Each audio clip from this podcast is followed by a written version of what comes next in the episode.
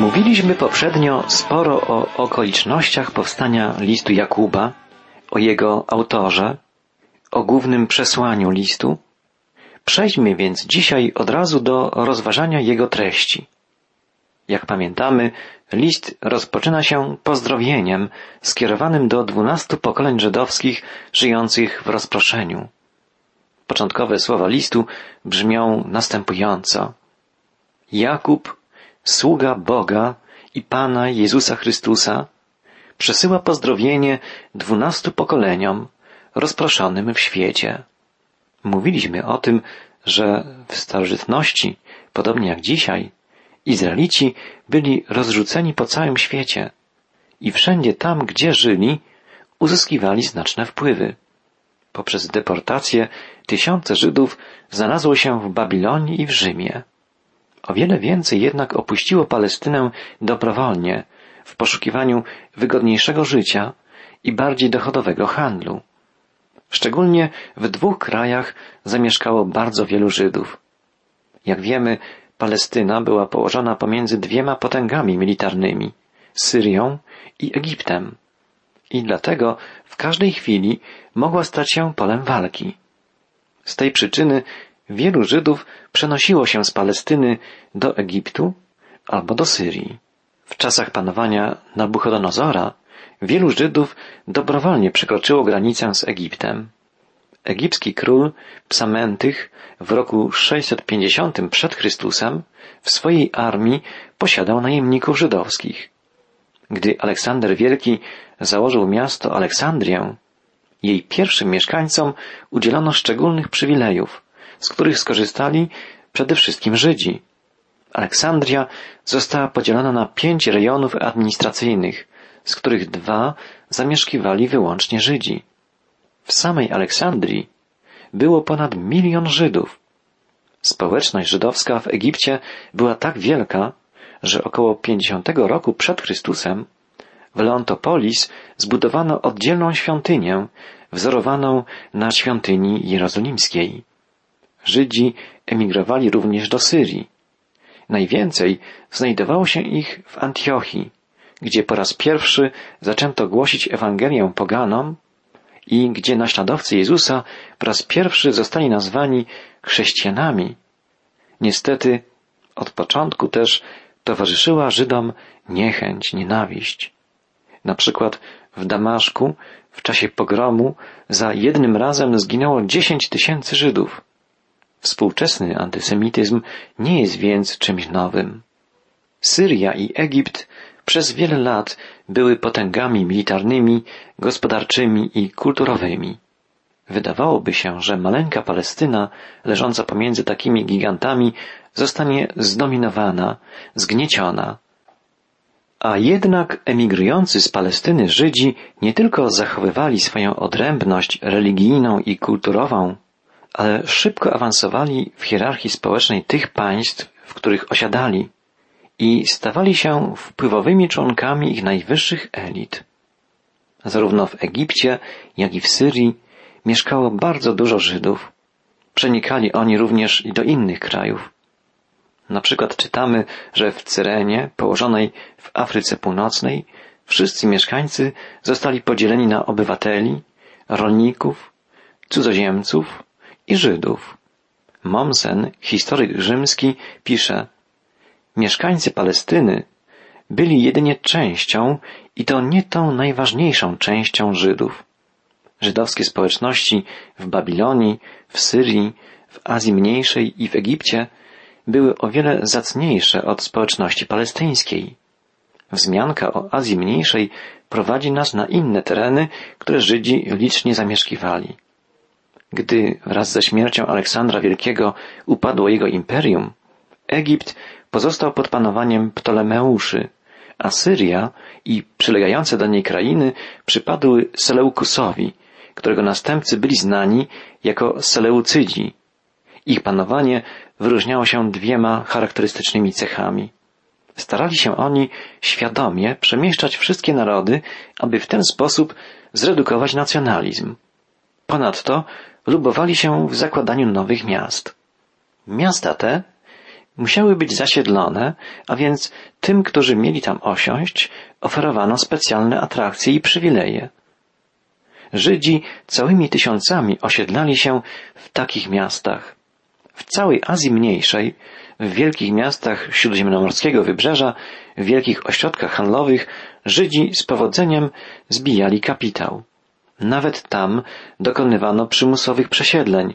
I tak Antioch Wielki, dwa tysiące rodzin żydowskich przesiedlił z Babilonu do Lidii i Frygii. Odpływ ludności z Palestyny był tak wielki, że Żydzi palestyńscy narzekali na swoich braci, którzy w pogoni za wygodami życia i możliwością szybszego wzbogacenia się wyjeżdżali do Azji i do Frygii. Arystoteles opowiadał o spotkaniu w Azji Mniejszej Żyda, który był Grekiem nie tylko pod względem języka, ale miał też grecką duszę. A więc praktycznie biorąc rzecz, Żydzi zamieszkiwali na całym świecie. Stabro, geograf grecki, powiada, trudno byłoby znaleźć na całym świecie jakieś miejsce, które nie byłoby zajęte i opanowane przez Żydów. Józef Flawiusz, historyk żydowski, pisze, nie ma miasta ani plemienia, i to zarówno wśród Greków, jak i barbarzyńców, gdzie żydowskie prawo i żydowskie zwyczaje nie byłyby znane. Wyrocznie Sybilni, spisane około 140 roku przed Chrystusem, powiadają, że każdy kraj i każde morze pełne jest Żydów. Filon cytuje pewien list, prawdopodobnie napisany przez Agrypę do Kaliguli. W liście tym mówi się, że Jerozolima jest stolicą nie tylko Judei, ale większości krajów, w których w różnych okresach czasu powstały kolonie żydowskie. Są to takie kraje jak Egipt, Fenicja, Syria i jeszcze dalsze jak Azja, Bitynia, sięgające aż do krańców Pontu, a także krainy leżące w Europie jak Macedonia, Attyka, Argos, Korynt i lepsza część Peloponezu. Żydzi zamieszkują nie tylko na stałych kontynentach, ale jest ich również pełno na tak ważnych wyspach jak Cypr czy Kreta, nie mówiąc już o krainach leżących poza Eufratem.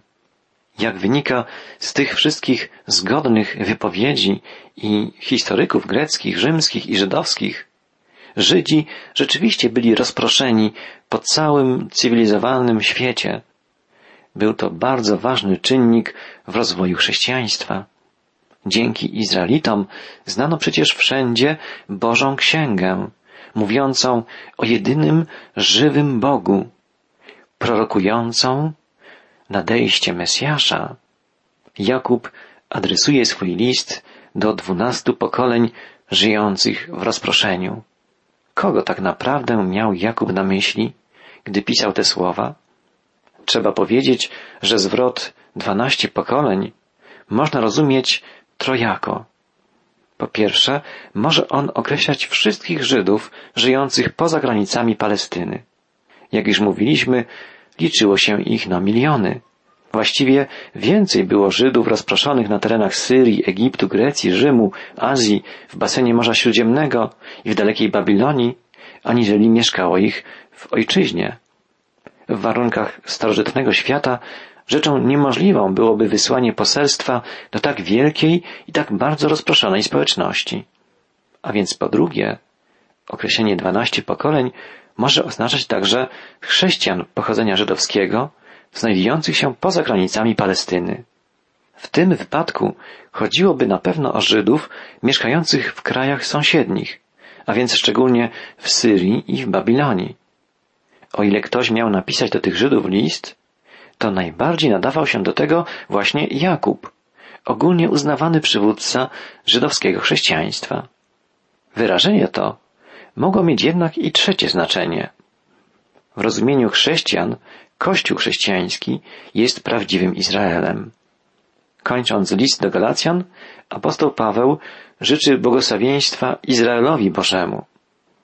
Naród izraelski to szczególnie wybrany lud Boży, ale chybił on w wypełnieniu podstawionych przed sobą zadań. Lud ten nie przyjął Syna Bożego i dlatego należne mu przywileje w jakimś stopniu przeszły na Kościół Chrystusowy, który w rzeczywistości jest wybranym ludem Bożym. Apostoł Paweł do końca przemyślał to zagadnienie. Pisze o tym w liście do Rzymian. W jego przekonaniu prawdziwymi potomkami Abrahama są nie ci, którzy od niego wywodzą swoje pochodzenie fizyczne, ale wszyscy, którzy tak jak on podejmują ryzyko wiary. Prawdziwy Izrael nie składa się więc z jakiejś szczególnej narodowości, rasy, lecz wszystkich tych, którzy wiarą przyjmują Jezusa Chrystusa.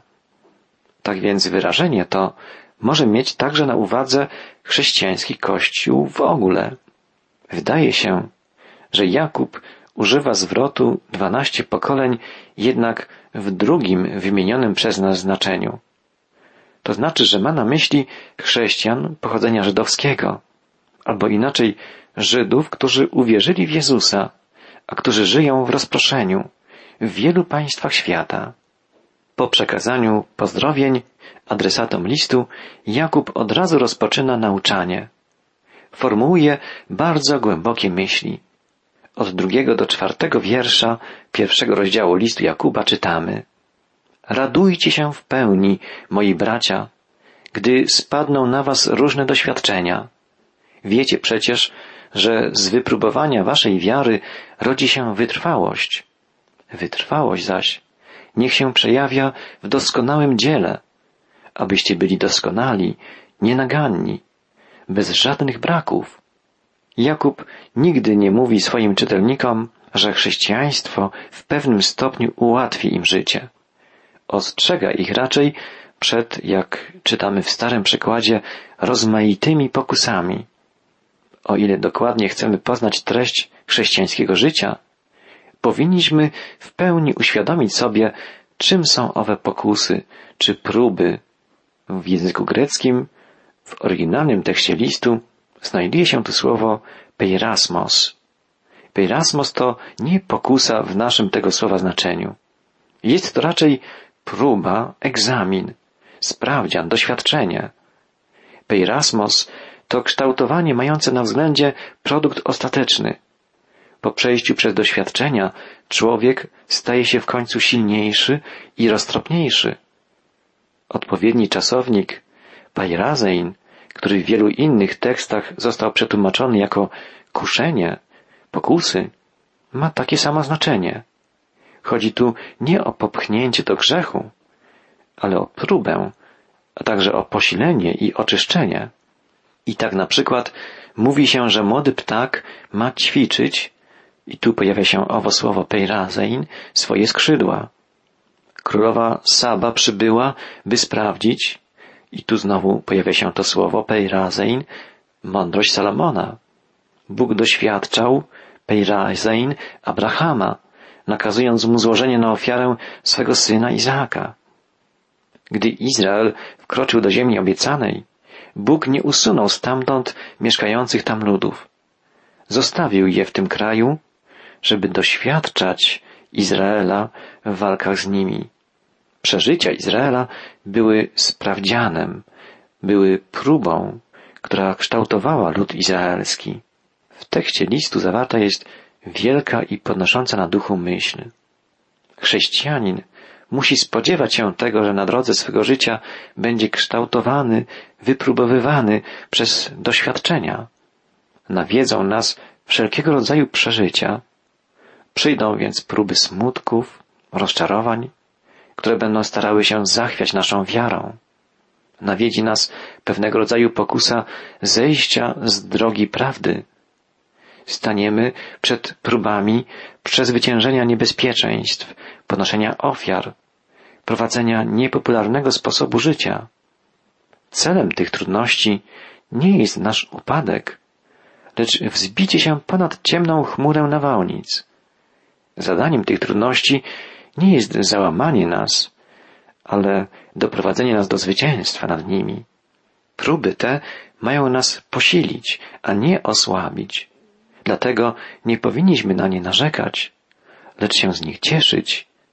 Chrześcijanin jest jak sportowiec. Poddaje się intensywnemu treningowi, bo wie, że im więcej przejdzie trudów i ćwiczeń, tym lepsze będzie miał wyniki. Tym większą szansę na zwycięstwo, na nagrodę.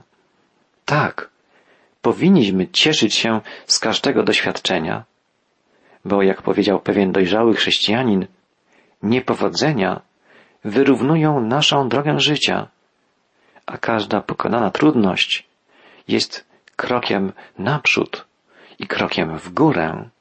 Apostoł Jakub proces przechodzenia przez próby określa greckim słowem dokimion. Jest to bardzo ciekawe słowo. Oznacza autentyczną, wartościową monetę, w odróżnieniu od monety podrobionej, fałszywej. Doświadczenia służyć mają więc oczyszczeniu nas z wszelkiego fałszu, z wszelkiej nieczystości. Jeżeli we właściwy sposób ustosunkujemy się do tego rodzaju prób, to ich skutkiem będzie wytrwałość, cierpliwość. Występuje tu słowo hypomene, które oznacza cierpliwość i wytrwałość, ale nie w biernym znaczeniu. Hypomene to nie umiejętność znoszenia trudności, ale umiejętność wykorzystania ich do uzyskania wielkości i chwały. W pierwszych wiekach prześladowań chrześcijan poganie najbardziej dziwili się temu, że męczennicy nie umierali w ponurym nastroju, lecz z pieśnią na ustach. Jeden z nich uśmiechał się, będąc już objęty płomieniami. Zapytany, dlaczego się uśmiecha, dlaczego się cieszy, powiedział, zobaczyłem chwałę Bożą i dlatego jestem pełen radości. Hypomenę, wytrwałość, cierpliwość daje człowiekowi możliwość nie tyle cierpieć, co raczej przezwyciężać cierpienia. Skutkiem doświadczeń jest uzyskanie większej mocy do odnoszenia większych zwycięstw w ciężkich walkach. Wytrwałość dopomaga człowiekowi w osiągnięciu co najmniej trzech rzeczy. Czyni go doskonalszym. Greckie słowo teleios oznacza zwykle doprowadzenie czegoś do wyznaczonego końca. Na przykład określano tak zwierzę ofiarne, jeżeli nadawało się na złożenie na ofiarę Bogu. Naukowiec jest teleios, jeżeli jest człowiekiem dojrzałym.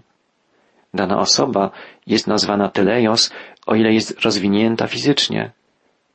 Ta wykształtowana w doświadczeniach stałość czyni człowieka teleios, czyli przygotowanym do podjęcia zadania, dla którego został posłany na ten świat. Jest tutaj zawarta bardzo głęboka myśl. Nasza postawa wobec każdego doświadczenia życiowego bardziej lub gorzej przygotowuje nas do zadania, które Bóg nam przygotował. Po drugie, wytrwałość czyni człowieka pełniejszym. Greckie określenie holokleros znaczy pełny, doskonały pod każdym względem. Tak na przykład określano zwierzę, które nadawało się do złożenia na ofiarę Bogu i kapłana, który mógł służyć przy składaniu tej ofiary. Zarówno zwierzę, jak i osoba nie posiadały jakichś wad i skaz, które by ich dyskwalifikowały. Stopniowo wytrwałość ta usuwa słabości i niedoskonałości ludzkiego charakteru. Pozwala przezwyciężać człowiekowi stare grzechy, przyswajać nowe zalety, aż w końcu jest on w pełni przygotowany do służby Bogu i swemu bliźniemu. I po trzecie, wytrwałość czyni człowieka całkowicie samowystarczalnym, niezależnym. Greckie określenie leipestai jest używane na określenie pokonania całej armii. Jeżeli więc chrześcijanin w sposób odpowiedni przechodzi przez trudne próby, jeśli codziennie rozwija swoją wytrwałość, staje się zdolny do zwycięstwa, jest coraz bardziej samodzielny, samowystarczalny. Jego osobowość jest coraz pełniejsza, coraz doskonalsza. Taki chrześcijanin staje się po prostu coraz bardziej podobny do Jezusa Chrystusa.